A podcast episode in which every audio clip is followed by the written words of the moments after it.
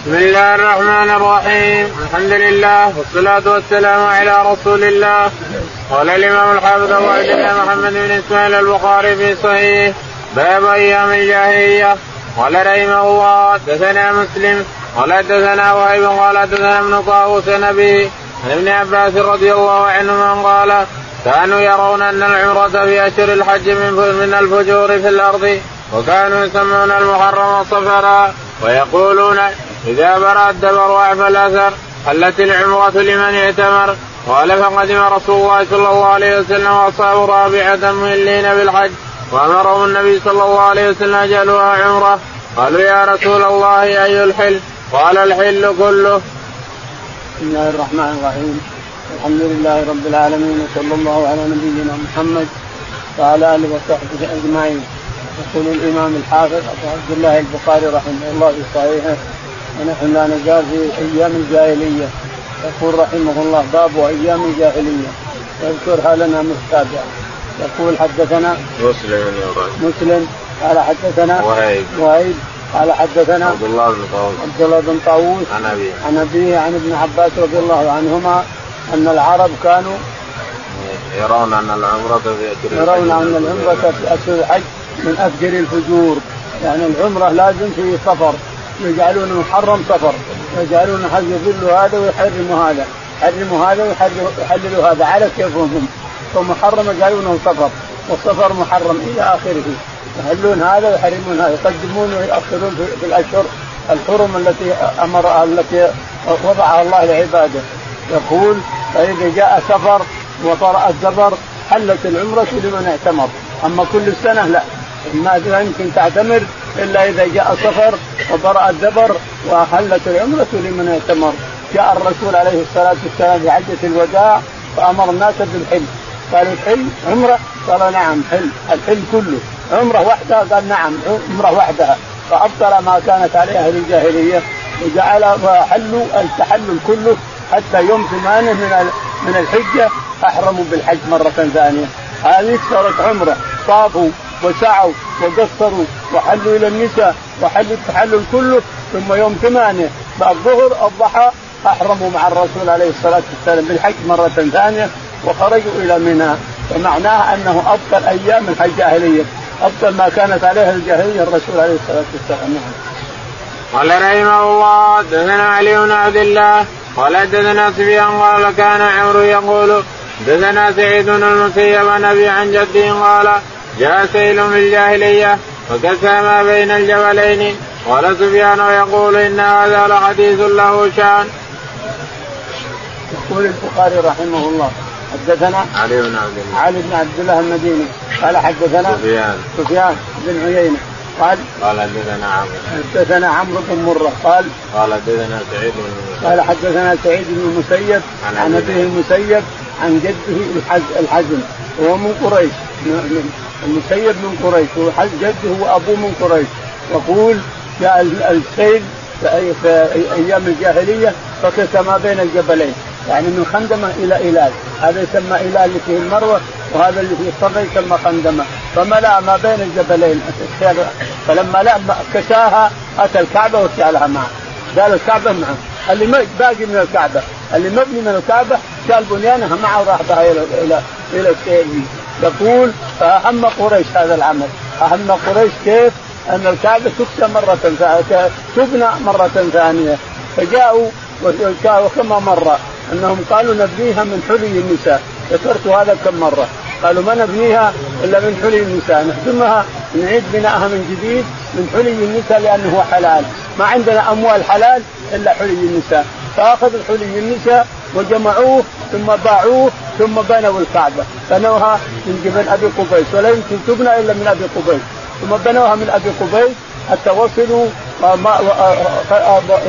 حجار متتابعة متلاصقة مثل اسنمه الإبل. فأدخلوا العتله اهتزت الأرض بكاملها. الأرض كلها اهتزت لما أدخلوا بنيان إبراهيم عليه الصلاة والسلام. تركوه ثم بنوا. بنوا بنوا بنوا لكن النفقة قصرت النفقة اللي بين يديهم قصرت. قاموا واخرجوا ستة أذرع من الحجر وذراع هذا هم من الكعبة. ستة من الكعبة وذراع احتياط الله من الكعبة إلى آخره. ولما وصلوا الحجر الأسود كان الرسول عليه الصلاة والسلام عمره ذلك اليوم 35 سنة. الرسول عليه الصلاة والسلام ذلك اليوم عمره 35 سنة ويسمونه الأمين. قالت قريش من يضع الحجر الأسود مكانه؟ فكادت القبائل اللي في مكة أن تتقاتل برمتها جميع القبائل شلوا سيوف يتقاتلون ما يمكن يضع الحجر انت يا قبيلة لا. لأنه إذا وضع صار له الشرف. وأنت هذه لك الشرف. وأنت هذه لك الشرف. ما يمكن يضعه إلا جميع قريش. فجاء عليه الصلاة والسلام وهم يختصمون بهذا الختام والحجر بين أيديهم. فلما وصل قال هذا الأمين هذا الأمين. طلع من باب الصفا هذا الأمين هذا الأمين. وصل عليه الصلاة والسلام قال احضروا لي شرشف أحضروا لي شرشف فاحضروا له شرشف قال كل قبيلة تمسك جزء من الشرشف كل قبيلة من قبائل قريش تمسك جزء من الشرشف وكل قبيلة مسكت جزء من الشرشف وأخذه بيده الشريفة ووضعه في مكانه هذا اللي فيه وضع الحجر الأسود في مكانه له فيه ورد قريش بهذا الحكم. عليه الصلاة والسلام عليه الصلاة والسلام. هذه هي القصة اللي حصلت. أن الكعبة انهدمت وأن قريش بنوها. بحلي بحلي النساء وأنهم السبب في إخراج الحجر من الكعبة لأنها خسرت النفقة. نعم. وكان الحجر تخلوه بالأرض باطل بالأرض. يأتونها الناس يطافون حتى جاء عمر رضي الله عنه وكان بين الجدار اللي تشوفونه هذا. بناه عمر بن الخطاب ثم جاء ابن الزبير وجدد بناء إلى آخره. نعم. قال رحمه الله حدثنا أبو النعمان قال حدثنا أبو عوان عن بيان أبي بش عن قيس بن أبي حازم قال دخل أبو بكر على امرأة من أحمد قال لها زينب فراها لا تكلم فقال ما, ما لها لا تكلم قالوا حجت مصمتة قال لا تكلمي فإن هذا لا يحل هذا من عمل الجاهلية فتكلمت فقالت من أنت؟ قال امرؤ من المهاجرين قالت أي المهاجرين؟ قال من قريش قالت من أي قريش أنت؟ قال إنك لسهول أنا أبو بكر. قالت ما بقاؤنا على هذا الأمر الصالح الذي جاء الله به بعد الجاهلية؟ قال بقاهم عليه ما استقامت بكم أئمتكم. قالت وما الأئمة؟ قال ما كان لقومك رؤوس واشراف يأمرونهم فيطيعونهم. قالت بلى. قال فهم أولئك على الناس. يقول البخاري رحمه الله حدثنا أبو النعمان. أبو النعمان عالم قال حدثنا أبو عوانة. أبو عوانة قال حدثنا خيان. خيان عن قيس بن أبي حازم. عن قيس بن أبي حازم عن قال دخل أبو بكر على امرأة. قال دخل أبو بكر الصديق رضي الله تعالى عنه على امرأة مصمتة ساكتة. فقال لها لما لا تتكلم؟ قالوا إنها حجت واللي تحج ما تتكلم. قال لها هذا من أيام الجاهلية فلانة. ما تتكلمي. اذا حجيتي ما تتكلمي كيف تصير إلى متى؟ يمكن صامت دولة الذهب. هذا من أعمال الجاهلية. قالت من أنت؟ قال أنا رجل من من المهاجرين. قالت أي المهاجرين؟ قال من من قريش. قالت ما بقاؤنا على هذا من أي قريش؟ ها؟ من أي قريش؟ قال. إنك لسؤول قال إنك لسؤول يعني تسأل من قريش أي قريش وأي شيء فقال إنك لسؤول بسكتها فقالت ما بقانا هذا الأمر الصالح؟ إن على أمر صالح. قال ما بقيت أمراؤكم صالحين فأنتم على الأمر الصالح. ما دام الملك صالح فأنتم صالحين. فإذا فسدت الأمراء فسد الناس. قالت ما هم وما وما الأمراء؟ قال ليس فيكم رؤساء سابقين رؤساء رؤوس من أشرافكم. قالت بلى قال تلك الأمراء. إذا صلحوا صلح الناس وإن فسدوا فسد الناس. لا شك في هذا. قال رحمه الله دثنا فروة بن أبي المغرى قال أخبرنا علي بن مسير عن هشام بن أبي عن عائشة رضي الله عنها قالت أسلمت امرأة سوداء لبعض العرب وكان لا حج في المسجد. قال قالت فكانت تأتينا فتحدث عندنا فإذا فرغت من حديثها قالت ويوم الوشاح من تعادي بربنا ألا إنه من بلدة الكفر أنجاني. فلما اكثرت قالت لا عائشة وما يوم الوشاح قالت خرجت جويرية لبعض أهلي وعليها وشاح من أدم فسقط منها فنطط عليه الحدية وهي تحسب لحما فأخذت فاتهموني به فعذبوني حتى بلغ من أمري أنهم طلبوا في قبلي فبينما هم حولي وأنا في كربي إذا اقبلت الحدية حتى وازت حتى وازت برؤوسنا ثم ألقته فاخذوه فقلت لهم هذا الذي اتهمتموني به وأنا منه بريئة. يقول البخاري رحمه الله حدثنا فروه فروه قال حدثنا علي بن علي بن مشر قال حدثنا هشام بن عروة. هشام بن عروة عن عن أبيه. عن أبيه عن عائشة رضي الله تعالى عنها أن جويرية كانت تأتي عند عائشة وتجلس عندها وتحت معها تسولف عليها فإذا أرادت تقوم قالت يوم الوشاح من تعاجيب ربنا على أنهم بلدة الكفر نجاني قالت عائشة ما هذا اللي تكررين وكل ما بغيت تقومين قلت يوم الوشاح وش الوشاح؟ قالت كان الوشاح الوشاح إنذار لجارية من جوار بنت من بنات اشرافهم فخطفته خطفته الحدية حسب لحم. جابته أحمر ملقا عرض خطفته الحدية. ثم أخذوني وعذبوني حتى فتشوا قبلي. حتى فتشوا قبلي لا يكون فيها الوشاح الوشاح كبير كذا من قبل لكن الجاهلية جهله يقول ما هم على هذا الأمر وإذا الحديه جاءت ورجعت وألقته على على رؤوسهم وهم يعذبون. القت الوشاح على رؤوسهم وهم يعذبوني تقول فقلت هذا الوشاح اللي الجمهور به اتهمتموني به وعذبتون هذا الوشاح مع الحديه ولا معي صار؟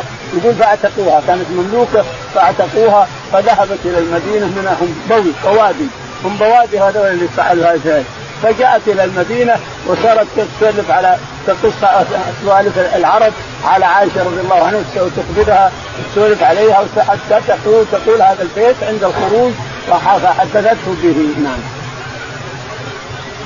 قال رحمه الله دثنا قتيبة قال دثنا إسماعيل بن جعفر عن عبد الله بن دينار بن رضي الله عنهما عن النبي صلى الله عليه وسلم قال ألا من كان حالفا فلا يحلف إلا بالله وكان قريش تحلف بآبائها فقال لا تحلفوا بآبائكم. يقول البخاري رحمه الله حدثنا قتيبة. نعم. قتيبة بن قتيبة. قال حدثنا إسماعيل. إسماعيل. قال حدثنا عبد الله بن دينار. عن عبد الله بن دينار. عن عبد الله بن عمر. عن عبد الله بن عمر رضي الله تعالى عنه وقلنا إن العرب كانت تحلف بآبائها فنهى الرسول عليه الصلاة والسلام أن يحلف الناس بآبائهم. سمع عمر يقول وابي قال لا تحلفوا بآبائكم. احلفوا بالله تعالى وتثبتوا ولا تثبتوا الحلف بالآباء شرك وأبي شرك بالله شرك أكبر بعد. حلفت بأبي أبيك معظما له كتعظيم الله صار شرك أكبر ويخرجك من الملة. فنهى الرسول عليه الصلاة والسلام عن الحلف بآبائهم. قال رحمه الله دثنا يحيى بن سليمان قال حدثني ابن قال أخبرني أن عبد الرحمن بن القاسم حدثه أن القاسم كان يمشي بين يدي الجنازة ولا يقوم لها ويخبر عن عائشة قالت كان للجالية يقومون لها يقولون إذا رأوها كنت في أهلك ما أنت المرتين. يقول البخاري رحمه الله حدثنا يحيى. يحيى قال حدثنا ابن وهب. ابن وهب قال قال أخبرني عمرو بن الحارث. أخبرني عمرو قال حدثنا عبد الرحمن. عن عبد الرحمن بن القاسم عن أبيه القاسم أن عائشة رضي الله تعالى عنها كان القاسم يمشي قدام الجنازة ولا يقوم لها هكذا تقول. وتقول عائشة رضي الله عنها قال أهل الجليل يقومون لها ويقولون كنت في أهلك كنت في أهلك وكنت في انتك كنت كذا وكنت كذا يعني يعظمون الميت. ولكن القاسم يقول ما يقوم لها ولا يمشي لكن مرنا في الجنائز في كتابه في البخاري أن الرسول عليه الصلاة والسلام قام لها وأنه قعد. فأيهما اقرب هو الذي ينسق الثاني. قام لها لا شك فيها. هو الصحابة رضي الله عنهم. مرت جنازة فقام لها عليه الصلاة والسلام. ثم مرت جنازة في بعد أيام فلم يقم. فلا أدري عن ايهم الأخير. هل هو مرنا هذا في البخاري؟ أن الرسول قام لها لا شك في هذا نعم. قال رحمه الله دثنا عمرو بن عباس قال حدثنا عبد الرحمن قال حدثنا سفيان عن أبي إسحاق عن ابن بن ميمون قال كان عمر رضي الله عنه إن المشركين كانوا لا يفيضون من جمع حتى تشرق الشمس على سبيل فقال فهم النبي صلى الله عليه وسلم فأفاض قبل أن تطلع الشمس. يقول البخاري رحمه الله حدثنا عمرو بن عبد عمرو بن علي قال حدثنا عبد الرحمن. عبد الرحمن قال حدثنا سفيان. سفيان قال حدثنا أبو إسحاق. أبو إسحاق عن عمرو بن ميمون. عن عمرو بن ميمون قال قال عمر إن المشركين لا يفيضون يقول عمر ينسب عن عمر إن المشركين لا يفيضون من عرفات ولا من جمع حتى تشرق الشمس على سبيل. سبيل الجبال التي كانت منى تكسو منى من الشرق. الجبال هذه اللي تكسو منى من الشرق كلها يسمونها تبير مثل طلعت الشمس على رؤوس الجبال أشرق كبير كيما نغير. أشرق كبير كيما نغير. وهم واحد يقول إذا مشى صاحب الحمارة وزوجة الدوارة وما أدري إيش يقولون الكلام اللي ذكره ابن إسحاق. الشاهد أنهم إذا رأوا الشمس طلعت على رؤوس الجبال قالوا أشرق كبير كيما نغير أشرق كبير ثم يغيرون. طلع الشمس هاجر فالرسول عليه الصلاة والسلام خالفهم جلس فيما في المشعر الحرام حتى أسفر جدا ثم انصرف. وخالفوا المشركين لأن المشركين لا يمكن ينصرفون حتى يرى الشمس. والرسول انصرف قبل طلوع الشمس عليه الصلاة والسلام. مخالفة للمشركين نعم. قال رحمه الله حدثنا إسحاق بن إبراهيم قال قلت لأبي أسامة حدثكم يحيى بن المؤلف قال حدثنا حسين بن كرمه وكاسا دهاقا. قال من لا متتابعا؟ قال وقال ابن عباس سمعت أبي يقول في الجاهلية اسقنا كاسا دهاقا. يقول البخاري رحمه الله حدثنا إسحاق بن إبراهيم. قال حدثنا قال قلت لأبي أسامة حدثكم قال قلت لأبي أسامة حدثكم؟ يحيى بن المهلب يحيى بن المهلب قال حدثنا حسين. حسين قال عن عكرمه عن عكرمه وكأسا دهاقا ملأ عن عكرمه وكأسا دهاقا يعني ملأ مليانة تكفر رؤوسها من الماء. نعم. وقال ابن عباس سمعت ابي يقول في الجاهلية اسقنا كأسا دهاقا. يقول ابن عباس سمعت أبي يقول في الجاهلية أكسني اشكني ماء دهاقا. يعني مليانة كأس مليانة إلى آخره. هذا ما في إلى الحين الناس يقولون اعطونا دهاق يعني مليان كأس مليانة. نعم. قال رحمه الله حدثنا أبو نعيم قال حدثنا سفيان بن عبد الملك عن أبي اسامه عن أبي هريرة رضي الله عنه قال قال النبي صلى الله عليه وسلم أصدق كلمة قال الشاعر كلمة لبيد على كل شيء ما خلا الله باطل وكاد اميه بن ابي الصلت أن يسلم. يقول البخاري رحمه الله حدثنا أبو نعيم. أبو نعيم قال حدثنا سفيان. سفيان قال حدثنا عبد الملك. عبد الملك قال عن أبي سلمة عن أبي هريرة. عن أبي سلمة عن أبي هريرة رضي الله عنه أن النبي عليه الصلاة والسلام قال أصدق كلمة قالها شاعر كلمة لبيد ألا كل شيء ما خلا الله باطل. كل شيء ما خلا الله باطل. كل شيء غير الله باطل. اخر البيت وكل نعيم لا محالة زائل. قال له بعض العرب كذبت. قال يا يا جماعة يا قريش وكذب وأنا قاموا فضربوا اللي كذبوا. ضربوه. يا قريش وكذب وأنا في مجلسكم. قاموا ضربوه؟ على كل شيء ما قال الله باطل هذه صحيح. واما قوله وكل نعيم لا محال فنعيم الجنة لا يزول لكن ضربوا يوم أنكر عليهم غلاب من قريش ضربوه إلى آخره. الشاهد أصدق كلمة قالها قالها شاعر وهو لبيد. لا الا كل شيء ما قال الله باطل. نعم. وكاد أمية بن أبي أن يسلم وكاد أمية بن أبي السلت أن يسلم أسلم شعره وكفر قلبه. يقول الرسول عليه الصلاة والسلام أسلم شعره وكفر قلبه. لأنه جاب أشعار مؤمن بها. جاب أشعار أن الله هو اللي خلق السماوات والأرض. من ينبت الأرض البقل في الثرى ويصبح منه البقل يهتز رابيا ومن اشعار قالها كلها إيمان كلها إيمان اميه بن أبي الصلت لكن قلبه كفر. مات كافرا معه. قال رحمه الله حدثنا إسماعيل. قال حدثني يحيى سليمان. يحيى بن سعيد بن عبد الرحمن القاسم عن القاسم بن محمد عن عائشة رضي الله عنها قالت كان لأبي بكر غلام يخرج له الخراج وكان أبو بكر يأكل من خراجه. فجاء يوما بشيء فأكل منه أبو بكر فقال له الغلام تدري ما هذا؟ وقال أبو بكر وما هو؟ قال كنت تكهنت الإنسان في الجاهليه وما أحسن الكهانة إلا أني خدعته فلقيني فأعطاني بذلك وهذا الذي أكلت منه فأدخل أبو بكر يده فقع كل شيء في بطنه. يقول البخاري رحمه الله حدثنا إسماعيل إسماعيل قال حدثنا عن أخي عبد الحميد نعم. عن أخي عبد الرحمن. عن أخي عبد الرحمن. قال حدثنا سليمان. سليمان. قال حدثنا يحيى. يحيى. قال حدثنا عبد الرحمن بن القاسم عبد الرحمن بن القاسم عن أبيه القاسم بن محمد. عن عائشة. عن عائشة رضي الله تعالى عنها أن أبا بكر كان له غلام يأخذ من خراجه يعني الغلام هذا مملوك لأبي بكر يخليه يشتغل وخراجه 40 درهم مثلا 50 درهم يعطي أبو بكر الدراهم ويأخذ منها ما شاء، الغلام ياخذ ما شاء ويعطي ابي بكر شيء حدده له. جاء يوم من الأيام وأعطى أبو بكر طعاما. الغلام نفسه اعطى أبو بكر طعاما. فكان جائعا رضي الله عنه فأكله. ما سأل. ما سأل الغلام من اين جئتم فقال الغلام ما تدري ما هذا الطعام اللي أكلته؟ قال وما هو. قال إني تكهنت شخصا في الجاهلية وما أحسن كذا الكهانه وإنما خدعته فلقني اليوم اعطاني هذا الطعام.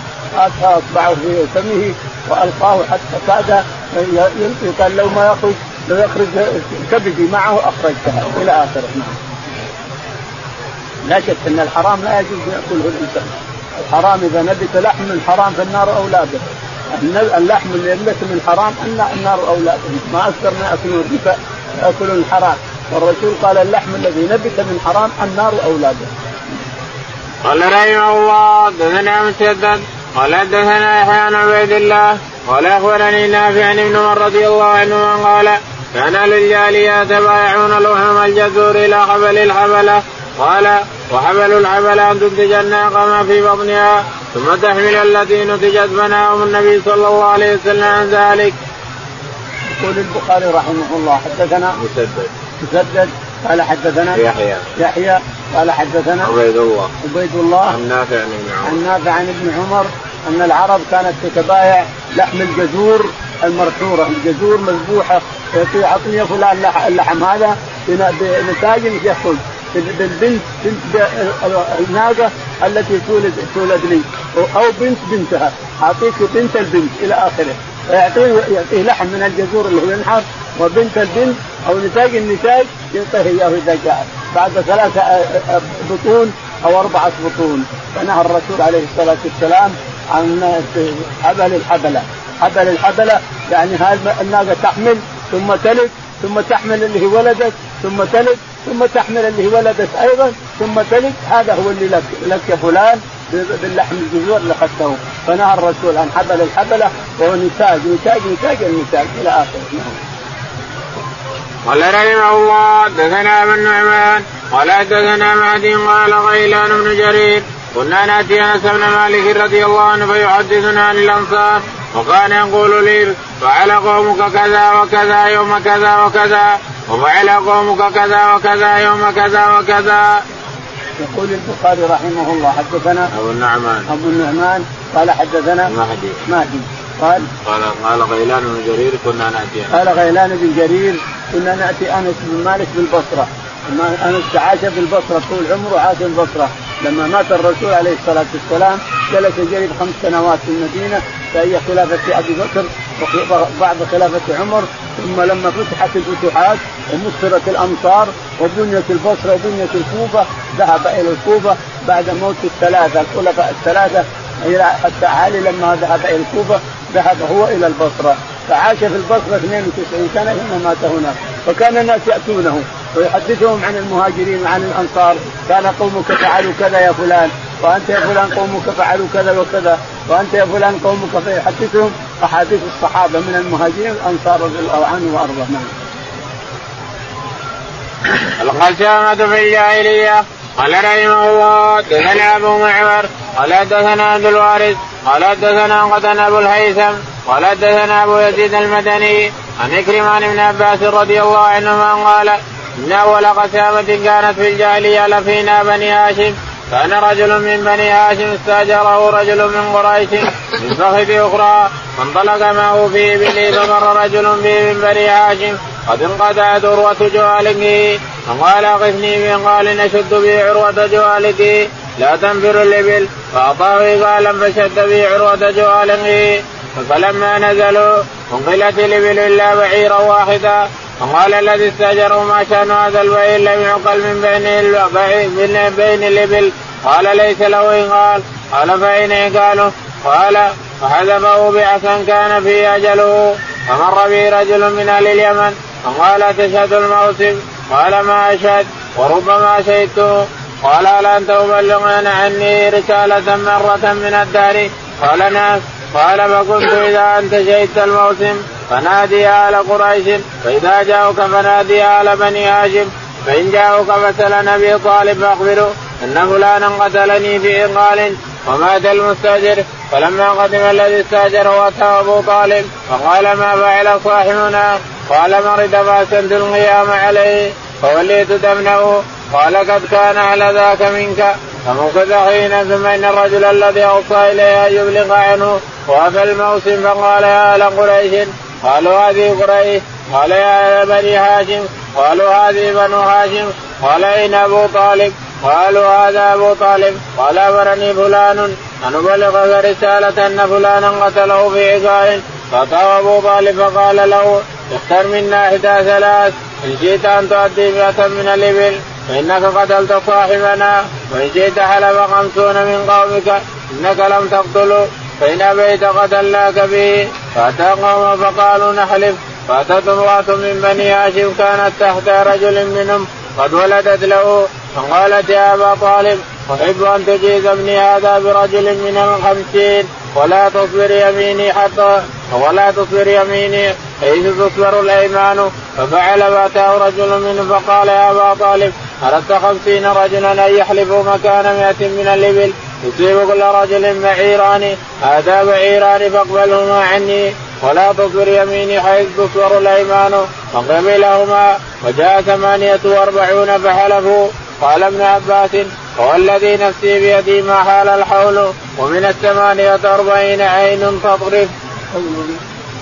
يقول البخاري رحمه الله حدثنا باب القسامة في الجاهلية. باب القسامة في الجاهلية. القسامة معروفة وعززها الإسلام. بعد ما جاء الإسلام عززها. خمسون يحلفون من أهل القتيل أو يحلف أولياء القتيل. أما يحلف هؤلاء المدعون أو يحلف المدعى عليهم. هذه القسامة. في الشريعة التي أخبر الرسول عليه الصلاة والسلام بها. الشاهد لأنه لما قتل أحد بني محيصة في خيبر قال تحلفون يمينا أنهم قتلوه قال ما شهدنا إحنا. قال تحلف اليهود. قال ما نقبل عنه فوداه الرسول 500 ناقة من عنده عليه الصلاة والسلام. الشاهد يقول البخاري هنا حدثنا أبو معمر. أبو معمر قال حدثنا عبد الوارث. عبد الوارث قال حدثنا قطن. قطن قال قال حدثنا أبو اليزيد. قال حدثنا أبو اليسر قال حدثنا عكرمة عن ابن عكرمة عن ابن عباس أن أول قسامة في الجاهلية أن رجلا استاجر من بني عامر هو استاجر رجلا من بني هاشم وذهب معه على أن يقود البعارين معه بعارين يبي يسافر فمر على الهاشمي رجل من بني هاشم له جواليق مسافر معهم أو مسافر سفرا آخر. فقال فلان ضاعت العقال عقال الجواليق أعطني إياها أربطها. أعطاه حبل من أربطة النور أعطاه إياه وربط جواليقه. ثم ذهب الاثنين العامري والهاشمي. لما جاء الليل وبركة الإبل عقل الإبل كلها إلا واحد. قال له وين عقال هذا؟ لما هذا ما عقل؟ قال ما له عقال، أين عقاله؟ قال ضاع، ضاع ضربه بعصا فصار حقه. هذه مرة فلما رأى أنه ميت مر به شخص من من بني من من اليمن. فقال يا فلان هل أنت شاهد الموسم؟ يعني مجنة عكاظ اللي تجتمع في أمم الأرض ومنهم أبو طالب وبني هاشم. فقال هل أنت مبلغي رسالة أي ساعة أي سنة أي دهر تمر أخبر أبي اسأل عن قريش. فإذا قالوا هذا قريش اسال عن بني هاشم. فإذا قالوا هذا بني هاشم اسال عن ابي طالب قلنا فلان قتله العامري بعقال بس ما بيملك الا هالكلمه قل إن العامري قتل الهاشمي بعقال لما راح اليمن اليماني أتى إلى الموسم فنادى أين قريش؟ قالوا هذه قريش. أين بني هاشم؟ هذه بني هاشم. أين أبو طالب؟ هذا أبو طالب. قال يا أبا طالب إن فلانا اوصاني أن أبلغك أن فلان العامري قتله بعقال آه العامري قلنا هو صاحبنا. وقال إنه مات وكذا وكذا تعال يا عامري فقد خوينا أنت. اختر واحدة من ثلاث.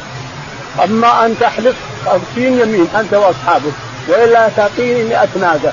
100 ناقة دية له وإلا نقتلك. واختر واحدة أما أن تحلف خمسين يمين على أنك ما قتلته. أو تعطينا 100 ناقة دية له أو نقتلك. اختر من ثلاث. فذهب إلى قومه قالوا لا إحنا نزيد نعطيك ودي نحلف خمسين يمين ولا نعطيك شيء ما نعطيها فيها نحلف خمسين يمين فجاءوا يحلفون جاءت امرأة لها ولد من بني عامر هي زوج من بني عامر وهو من بني هاشم. فقالت يا أبا طالب ولدي هذا اجزه برجل من قريش من بني عامر. أنا الحين زوجتي من بني زوجي من بني عامر وولدي من بني عامر. فأريد أن تجيزه بولد بولد من برجل من اللي يحلفون. أجازه. جاء واحد قال يا أبا طالب إن الناس انقسموا على أن يعطوك 100 ناقه، كم الرجل كم يصيبه؟ أو 50 كم من ناقتين خذ هذه ناقتين واقبلها منه، فقبل الناقتين منه بقي تم 48 رجلا. جاءوا حلفوا عند أبو طالب إنه صاحبهم ما قتله يقول ابن عباس والله ما مر عليهم. السنة أو أقل من السنة وفيهم عين تطر كلهم أتلفهم.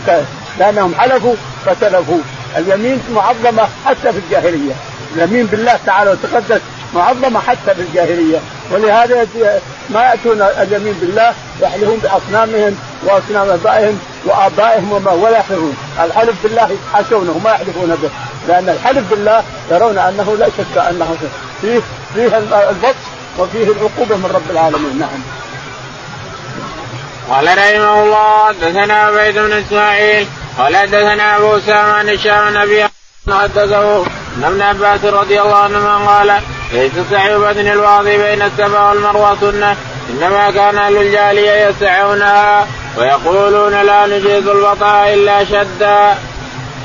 هذا كله كذب على البخاري وعلى ابن عباس الحديث هذا الأخير الأخير لأنه مرنا أن النبي عليه الصلاة والسلام قالت سعد أم إسماعيل بين الصفا والمروة سبعا وبين المروة والصفا حتى تمت السبع ونحن نسعى ليس بمسعها مرنا في البخاري. فهذا كله كذب على ابن عباس وهو كذب على البخاري. أو أن البخاري أخرجه خطأ عن ابن عباس رضي الله تعالى عنه. الا فالرسول مرنا أن أن أم إسماعيل اتت إلى المسعى الصفا وطلعت عليه واستمعت ثم جرت. ثم جرت ثم جرت حتى تمت سبعا. قال لهذا أمرنا أن نسعى. هذا كلام الرسول عليه الصلاة والسلام. وهذا كذب على ابن عباس أو كذب على البخاري أو خطأ أو غلط. فهم ابن عباس خطأ. أو أن ابن عباس فهم خطا. ليس المسعى اللي سنته هاجر أم إسماعيل. لا شك في هذا. الشاهد الحديث يقول حدثنا عبيد عبيد قال حدثنا أبو أسامة. أبو أسامة قال عن هشام بن عروة. عن هشام بن عروة عن ابيه عروة عن عائشة قال كان يوم بعاث يوم قدمه الله تقول عائشة رضي الله تعالى عنها كان يوم بعاث يوم بعاث وقعه كبيرة بين الأوس والخزرج وقعة كبيرة بين الأوس والخزرج فهؤلاء حالفهم اليهود وصاروا مع مع أوس. وهذا حلفهم اليهود صاروا مع الأنصار مع الخزرج هؤلاء لهم حلفة من اليهود قاتلوا معهم. هؤلاء لهم. فتقول عائشة إن هذا اليوم معركة قتل فيه سراتهم يعني رؤسائهم قتل الرؤساء وقتل الأبطال.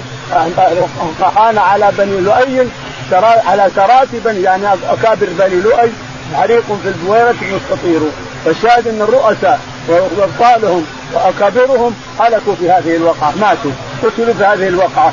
وبقوا قدرانين مهزوزين ردهم بالعافية بس احد يجيهم يجمعهم ينامون يتعافون. فجاء الرسول عليه الصلاة والسلام وهم بهذا الشكل تعبانين وجزعانين وماتت اكابرهم ذبح قتل أكابرهم. ولا بقي إلا بشريه ودهم أنهم يجتمعون ينامون ويهدؤون عن القتال. فجاء الله بالرسول عليه الصلاة والسلام وقبل الإسلام بسرعة لأنهم يرغبون أن يجمع الله كلمتهم على شخص. فجاء بالرسول عليه الصلاة والسلام فجمعهم على شخص وأسلموا جميعا جميع الأوس والخزرج نعم وأبت اليهود شوف اليهود كانت معهم يجينا نبي نسلم معه ونقاتلكم معهم لكنها حسدوا لما صار في العرب النبي صار بالعرب حسدوا العرب نعم. وقال تعليقا قال ابن وهب. نعم. تعليق قال ابن وهب. نعم. قال تعليق قال ابن وهب. قال أخبرنا عمرو بن بكير بن اشد ان خريم بن عباس أن ابن عباس قال ليس سعي بن الوادي بين الصفا والمروه. من ابن عباس. من ابن عباس.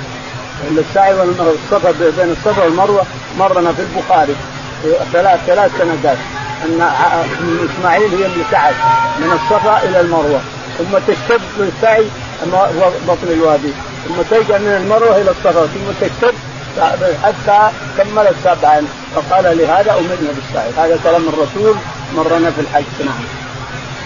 قال رحمه الله دثنا عبد الله بن محمد الجعفي قال دثنا سفيان قال أخبرنا مطرف قال سمعت أبا السفر يقول سمعت أن عباس رضي الله عنهما يقول يا أيها الناس اسمعوا مني ما أقول لكم واسمعوني ما تقولون ولا تذهبوا فتقولوا قال ابن عباس قال ابن عباس من طاف بالبيت فليطف من وراء الحجر ولا تقولوا الحصين إن الرجل في الجاهليه كان يعلف ويلقي صوته أو نعله أو قوسه.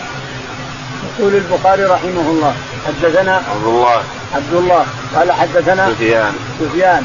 قال حدثنا مطرف مطرف قال قال سمعت أبا السفر قال سمعت أبا السفر عن ابن عباس رضي الله تعالى عنه أنه كان يقول للناس كان لما صار إماما ابن عباس صار يفتي الناس وله مبلغين واحد من هنا وواحد من هنا وواحد من هنا مبلغين.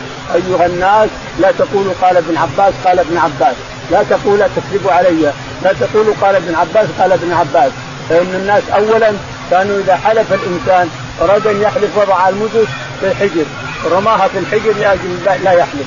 أو أو شيء من معه رماه في الحجر. فلهذا كان الحجر من الكعبة. ثم بعد ذلك أحيط به جدار إلى اخره نعم. ولا تقولوا الحطيم. ولا؟ تقولوا الحطيم. ولا تقولوا الحطيم. فإن الحطيم فإنه سمي الحطيم لأنهم يحطمون فيها اللي بين اللي بيده يرميه اللي بيده يرميه تعال. تعال القي مدتك في الحطيم واحلف لي. ولا يقول أنا اعطيه ولا حلف لك. ثم يلقي العصا ثم يلقي المشلة. ثم يلقي الثوب. ثم يلقي بالح... سموها الحطيم. لا ولا تسموه الحطيم. ابن عباس ينهى عن تسميته الحطيم وإنما هو الحجر لأنه نقصت قريش النفقة فأخرجوه. نعم واللي بنى الجدار ابن عباس عمر رضي الله عنه. ثم جدده عبد الله بن الزبير لما صار خليفة نعم. قال رحمه الله دثنا نعيم قال دثنا حسين بن حسين عن عمرو بن ميمون قال رأيت في الجاهليه قردة اجتمع عليها قردة خزنت فرجموها فرجمتها معهم. يقول البخاري رحمه الله حدثنا نعيم إسماعيل قال حدثنا حسين. حسين قال حدثنا حسين. حسين قال حدثنا عمرو بن ميمون. عمرو بن ميمون عن قال رأيت في الجاهليه عمرو بن ميمون يقول رأيت في الجاهليه كانه مخضرم. أدرك الجاهلية وأدرك الإسلام، الإسلام ادركوه قبل بعدما مات الرسول عليه الصلاة والسلام. فلا يسمى مخضرم حينئذ. ما دام الجاهلية ادرك أدرك الجاهلية ثم أسلم في وقت التابعين وقت عمر بن الخطاب. يقول عمرو بن ميمون إنه رأى قردة يرجمها قردة. مجتمعين عليها لأنها زنت. زنت وزنى بها ذكر قرد زنى بانثى فصاروا يرجمونها بالحجارة فرجمتها معهم. يعني القردة اللي تزني عندهم يجتمع يصيرون فوق القردة يصيرون فوق على هذا الرجل الذي زنى بالمرأة. ثم يرجمون أما المرأة ولا الرجل أو يرجمونهما معا. هذا إلهام من الله تعالى وتقدس على القردة يطوقون فوق ثم يضرب وأميرهم واقف قاعد ثم يضرب تضرب المرأة إذا زنت بالحجارة ثم يفك لها الطريق ثم تهرب ما عاد تجي ما تبقى عندهم لازم تروح عاد شوف ياكلها فيل ياكلها كذا أسد ياكلها. المهم تضيع.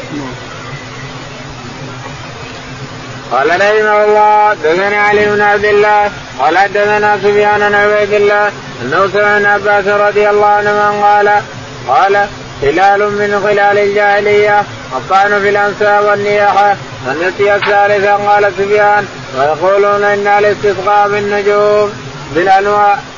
يقول البخاري رحمه الله حدثنا علي بن عبد الله. علي قال حدثنا سفيان. سفيان قال حدثنا عبيد الله. عبيد الله قال عن ابن عباس. عن ابن عباس رضي الله عنه قال خلال في الجاهلية النياحة والطعن في الأنساب هذه من أمور الجاهلية. الجاهلية الطعن في الأنساب والنياحه على الميت هذا لا يدخل وما بهم كفر كان في الجاهلية لا تسونها يا مسلمين. المسلمين محرم عليهم أن يفعلوها لأنها من أعمال الجاهلية. الطعن في الانساب وفلان يقول هذا خضيري هذا عبد هذا مزكي هذا كذا هذا كذا. هذا من أعمال الجاهلية نعوذ بالله. الناس كلهم عباد الله تعالى وتقدس وغالب الأمة كل كل أمم الأرض أحقر من الذبابه عند رب العالمين إلا من اتقى. إلا صاحب التقوى أكرمكم عند الله أتقاكم. ليس فيهم كبير ولا صغير إنما التقوى هو صاحب المنة لله تعالى عليه. المنة لله عليه. فمن اتقى ربه فهو الادمي وهو الذي يلقى ربه. ويصير طريقك الإنسان مثل الشمس في النهار. من الشمس إلى ربك طريقك إلى ربك. في التوحيد وفي العقائد يصير مثل الشمس. لازم يصير طريق على ربك إلى إلى مثل الشمس. فالشاهد أن الناس كلهم محتقرين ومذلولين إلا من اتقى ربه تعالى وتقدس. والطعن في الانساب والنياحة على الميت هذا من أعمال الجاهلية. والثالثه يقول الاستسقى بالأنواع طلع أنه نوع الثريا نوع الثريا مطير نوع الثريا ممحل نوع الدبران ممحل نوع الاستسقاء بالأنواع يعني المطر اللي تجيبها الثريا نفسها. لا نم أصبح من عبادي مؤمن وكافر مؤمن بي وكافر بالكوكب. أو كافر بالكوكب ومؤمن بي أو مؤمن كافر بي ومؤمن بالكوكب. فمن قال مطرنا بنوء كذا وكذا. يعني هي اللي جابت المطر فهذا مشرك نعوذ بالله. فهذا كافر بربه مؤمن بالكوكب. ومن قال مطرنا بنوء مطرنا بفضل الله ورحمته فهذا مؤمن رب العالمين كافر بالكوكب إلى آخره. باب مبعث النبي صلى الله عليه وسلم. محمد بن عبد الله بن عبد المطلب بن هاشم بن عبد مناف بن قصي بن كلاب بن مرة بن كعب بن لؤي بن غالب بن فير بن مالك بن النضر بن كنانة بن خزيمة بن مدركة بن إلياس بن مضر بن نزار بن معد بن عدنان. قال رحمه الله دثنا أحمد بن أبي رجاء قال دثنا النضر عن هشام بن عكرمه عن ابن عباس رضي الله عنهما قال أنزل على رسول الله صلى الله عليه وسلم وهو ابن أربعين فمكث ثلاثة عشر سنة ثم أمر بالهجرة فهاجر إلى المدينة فمكث بها عشر سنين ثم توفي صلى الله عليه وسلم. يقول البخاري رحمه الله باب مبعث النبي. مبعث نسب الرسول عليه الصلاة والسلام ومبعثه. باب نسبه من من عبد الله أبوه إلى جده إسماعيل عليه الصلاة والسلام. يقول حدثنا محمد بن عبد الله. محمد. هو محمد بن عبد الله بن عبد المطلب بن هاشم ابن ابن عبد مناف ابن عبد مناف ابن قصي. ابن كلاب. ابن مرة. ابن كعب ابن كعب ابن لؤي.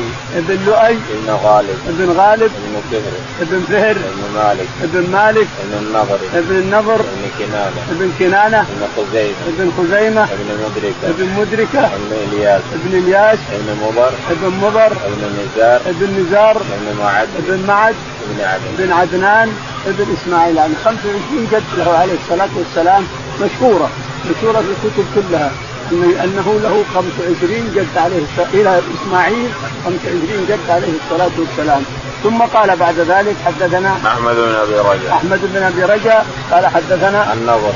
النضر قال حدثنا هشام. هشام عن إكرمة. عن إكرمة عن ابن عباس. عن ابن عباس قال انزل على رسول الله صلى الله عليه وسلم وابن أربعين يقول ابن عباس أنزل القرآن على الرسول عليه الصلاة والسلام وهو أربعين سنة في حراء جاءه جبريل وقرأه القرآن.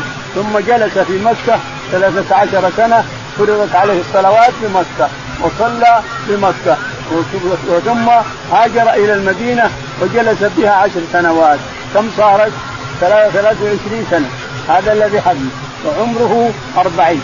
قبل النبوة أربعين وهذه 23 هذا الحق هذا الصحيح. مرنا الاختلاط كما سمعتم. في البخاري من يجي شهر أو أقل من شهر. قالوا إنه له 60 واللي يقول 61 واللي يقول كل هذا الاختلاط لا شك كله ما لا قيمة له. كذب في كذب. إنما عمره 63 سنة بالاتفاق وباليقين أنه نبئ ب 40 وجلس 13 سنة هنا وعشر سنين بالمدينة ولحق بربه فالجميع 63 سنة عليه الصلاة والسلام. وذبح 63 بنلة 63 بيده و37 يد علي بن أبي طالب رضي الله عنه. نعم.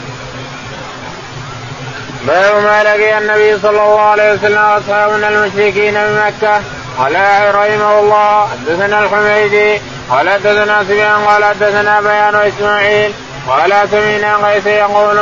سمعت خبابا رضي الله عنه يقول أتيت النبي صلى الله عليه وسلم وهو متوسد مرده وهو في ذل الكعبة وقد لقينا من المشركين شدة. فقلت ألا تدعو الله؟ فقعد وهو محمر وجهه. فقال لقد كان من قبلكم ليمشط مشاط الحديد ما دون عظام من لحم أو عسب ما يصرف ذلك عن دينه ويضع المنشار على مفرق راسه ويشق باثنين ما يصرف ذلك عن دينه. ولا يتمن الله هذا الأمر حتى يسير الراكب من سنة إلى حضرموت ما يخاف إلا الله. زاد بيانه وزيب على غنمه. يقول البخاري رحمه الله حدثنا باب ما لقي النبي صلى الله عليه وسلم؟ ما لقي النبي عليه الصلاة والسلام من قومه حينما كان قريش يتجمعون عليه. هو دائما عليه الصلاة والسلام يصلي يستقبل الكعبة على بيت المقدس. يعني يصير في بين الركنين بين الحجر الأسود وبين الركن اليماني. فالشمس تطلع في ظل الكعبة ما إلى قريب العصر. إلى قريب العصر وهو في ظل الكعبة عليه الصلاة والسلام. فيجتمع عنده الذي اسلموا من الضعفاء خباب وعمار وغيرهما. يقول خباب إننا شكونا الذي كنت جئناه وهو متوسد وهو متوسد برده. فقلنا يا رسول الله ألا ترى ما نحن فيه؟ ألا كذا ألا كذا؟ يقول استيقظ واستقعد وهو غضبان وقال إن أحدكم لينشر بالمنشار على رأسه ما يرده ذلك عن دينه. وإن أحدكم لينفق بمشيط الحديد على لحمه وجلده ما يرده ذلك عن دينه. فليخرجن الله هذا الأمر حتى يسير الراكب من صنعاء إلى حضرموت قال رحمه الله دثنا سليمان بن حرب قال حدثنا شيبان أبي سام الأسود عن عبد الله رضي الله عنه قال قرأ النجم النبي قرأ النبي صلى الله عليه وسلم النجم فسجد فما بقي أحد إلا سجد إلا رجل رايته اخذ قبا من سحسا ورفعه فسجد عليه وقال هذا يكفيني فلقد رايته بعد قتل كافرا بالله. يقول البخاري رحمه الله حدثنا سليمان سليمان قال حدثنا شعبة شعبة قال حدثنا أبو إسحاق. أبو إسحاق قال عن الأسود عن عبد الله. عن الأسود عن عبد الله. قال قال قرأ النبي صلى الله عليه وسلم النجم فسجد. يقول إن النبي عليه الصلاة والسلام قرأ سورة النجم ولما أتى اخرها سجد عليه الصلاة والسلام. فسجد سجد معه من حضر من الجن والإنس. سجد معه عليه الصلاة والسلام. تلك السجدة من الجن والإنس. حتى إن المهاجرين بالحبشة بلغهم من قريش أسلموا لأنهم سمعوا أنهم سجدوا معه فسجد كل من على وجه الأرض ذلك اليوم من الجن والإنس. إلا رجل رفع ترابا على كفه وسجد عليه. قال هذا يكفيه يقول ابن عباس بن مسعود رأيته قتل في بدر. يعني هذا الرجل اللي قتله رأيته قتل في بدر مع من قتل في بدر معه. قال رحمه الله حدثنا محمد بن قال حدثنا غنار قال حدثنا شعبة عن أبي إسحاق عن عمرو بن ميمون عن عبد الله رضي الله عنه قال بين النبي صلى الله عليه وسلم ساجد وحوله ناس من قريش جاء عقبة بن أبي معيط بسلا جزور فقذفه على دار النبي صلى الله عليه وسلم فلم يرفع رأسه فجاءت فاطمة رضي الله عنها فأخذته من داره ودعت على من صنع فقال الله فقال النبي صلى الله عليه وسلم اللهم عليك اللهم عليك الملأ من قريش أبا جهل بن هشام وعتبه بن ربيعة وشيبة بن ربيعة ومية بن خلف وأبي بن خلف شك شعبة ورأيتهم قتلوا يوم بدر والقوا في بئر غير أمية وأبي فقد تعطوا صالوا فلم ينقفل به.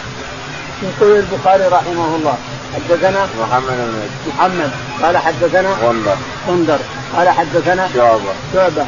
قال حدثنا أبو إسحاق. أبو إسحاق. قال عن عمرو بن ميمون. عن عمرو بن ميمون. عن عبد الله بن عن عبد الله بن مسعود رضي الله تعالى عنه. قال بينما النبي صلى الله عليه وسلم ساجد وحوله ناس يقول بين النبي عليه الصلاة والسلام ساجد وحول الكعبة هناك ساجد وحوله قريش هنا وهنا يتضاحكون فقالوا أيكم يأخذ سلا جذور بني فلان يضع على ظهر هذا محمد الساجد. فذهب ابن أبي معيط عقبة ابن أبي معيط وجاء بالجذور وإلقاه على ظهر الرسول عليه الصلاة والسلام فبقي ساجدا عليه الصلاة والسلام حتى أتت فاطمة وأزالته عنه. ثم قام فأتى إليهم هنا جاء إليهم وقال اللهم عليك بعتبة بن ربيعة. والوليد بن عتبة. وابو الحق وابو جهل بن هشام وابو وشيبة بن ربيعة. وأمية بن خلف. ما ما في شك. أمية بن خلف. ولا أبي بن خلف قتله الرسول بيده. الرسول قتل أبي بن خلف. قتله الرسول ضربه بالرمح. في أحد أو في أو في بدر ضربه على على رقبته حتى طاح وجاءوا حملوه. قالوا ما في شيء جرح صغير من قال والله لو ضرب جبل خلاص محمد ضربني لازم أموت فمات صح. هذا أبي بن خلف. أما أمية بن خلف هو الذي قتل في بدر. واخذه بلال عبد الرحمن بن عوف اسيرا. ثم قال بلال يا أصحاب رسول الله يا أنصار الله اميه بن خلف. لا نجوت ان نجا. كان يعذب بلال هنا بصخرة يحطها على ظهر على بطنه. يقول اخطر بمحمد. فيقول أحد أحد. فلما رأى أمية. قال يا أنصار الله. أمية بن خلف. لا نجوت ان نجا. لا نجوت سل سيفه جاء الأنصار وصاروا يضربونه بكرشه وهو يد عبد الرحمن بن عوف. فصار أهل القليل. جروه وحذفوه مع القليل. أما أمية بن أما عقبة بن أبي معيط فجاء به مكتف اليدين والرجلين انظر عقوبة الله تعالى وتقدس لنبيه. بعد سنتين أو أقل أو ثلاث أو سنتين ونصف به مكتف اليدين والرجلين. آه عقبة بن أبي معيط فحط السلع على ظهر الرسول عليه الصلاة والسلام وتخنو خنقه فك أبو بكر. فقال الرسول اضرب عنقه يا يا عاصم بن أبي الأجلح رضي الله عنه. اضرب عنقه يا عاصم. فحذف رأسه. هذا عقوبة من عصى ربه ثم عصى رسوله. هذا عقوبته. عقوبة مؤجلة سنتين وأقل أو سنتين زيادة قليل جاء به مكتف اليدين والرجلين. عقبة بن أبي معاذ اللي تكتو وتبربر وتقول لا تابع السلا يلا حذف راسه فجاء عاصم رضي الله تعالى عن عاصم بن أبي حذف راسه من الكورة. نعم. اللهم توفنا مسلمين والحقنا بالصالحين رب العالمين